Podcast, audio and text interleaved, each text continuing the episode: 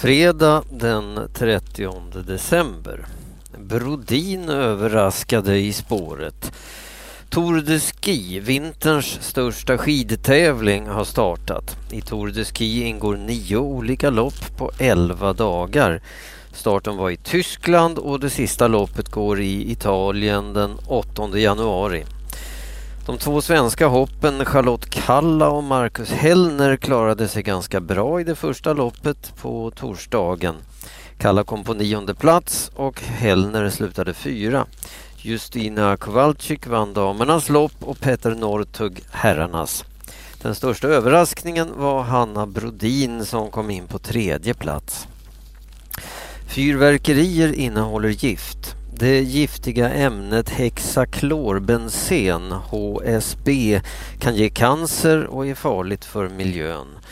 Det är förbjudet att tillverka, sälja och använda HSB. Ämnet är förbjudet i Sverige sedan år 2004. Inför nyårsafton har Kemikalieinspektionen kontrollerat vad det finns för ämnen i fyrverkerier som säljs i butiker. HSB fanns i ungefär en av fyra fyrverkerier. Det kan vara ett miljöbrott. Vi har berättat om vad vi har funnit i fyrverkerierna för företagen och väntar på att de ska förklara sig, säger Emil Jansson som jobbar på Kemikalieinspektionen. Anders Holinder är en av cheferna på Göteborgs fyrverkerifabrik. Han säger att kontrollen inte stämmer. De har inte testat fyrverkerier som har kommit i år. Det kan finnas en del av giftet kvar i fyrverkerier som tillverkades före förbudet, säger Holinder. Det finns inget sätt att se om en fyrverkeripjäs har HSB. Men en fyrverkeripjäs med HSB som är inplastad är helt ofarlig att hålla i. Gott nytt år! Det här är årets sista webbnyheter på 8sidor.se. Vi är tillbaka igen på måndag den 2 januari 2012. Eh, och gott nytt år önskar förstås 8 sidor. Indier vill köpa Saab. Ett indiskt företag vill köpa Saabs bilfabrik. Tidigare har bland annat företag från Turkiet och Kina sagt att de vill köpa Saab. Svenska staten kan också köpa en del av Saab. Det föreslår Riksgälden som har hand om statens skulder. Riksgälden vill att ett företag ska köpa hela Saab. Om inte det går att ordna kan Riksgälden tänka sig att staten köper Saab Parts som har hand om reservdelar till Saab. Staten har lånat ut pengar till Saab och vill ha tillbaka dem.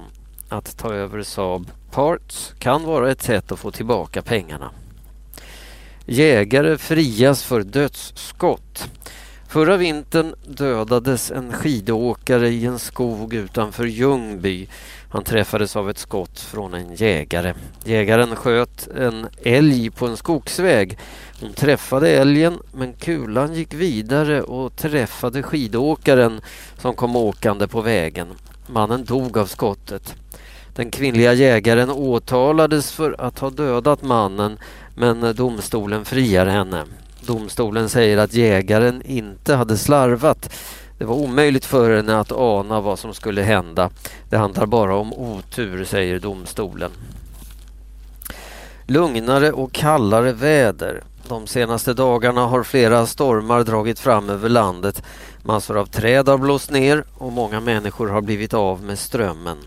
På fredagsmorgonen var fortfarande omkring 2000 hushåll strömlösa efter stormen Dagmar på annandag jul. Stormen som drog in över södra Sverige på torsdagen är på väg bort. Nu väntar kallare och lugnare väder. Protester mot turkisk flygattack. 35 personer dog när turkisk militär bombade en kurdisk by i sydöstra Turkiet i torsdags. Militären trodde att de bombade medlemmar i gruppen PKK. PKK är en kurdisk grupp som är fiende till regeringen. Men det visade sig senare att de döda inte alls var med i PKK. Det var människor mellan 16 och 20 år som smugglade varor mellan Turkiet och Irak. Turkiets regering erkänner att det var ett misstag att anfalla byn. I flera turkiska städer samlades människor och protesterade mot den turkiska regeringen. Sju dömda för sexhandel i Halland. Igår torsdag dömdes sju män för sexhandel i Halmstad tingsrätt. En av de dömda är en före detta kommunpolitiker i Laholm, moderaten Per Asklund. Han dömdes till dagsböter för att ha försökt köpa sex.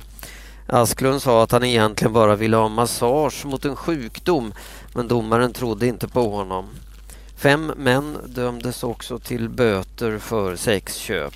Den sjunde mannen som är den som har hjälpt männen komma i kontakt med prostituerade dömdes till fängelse i sju månader.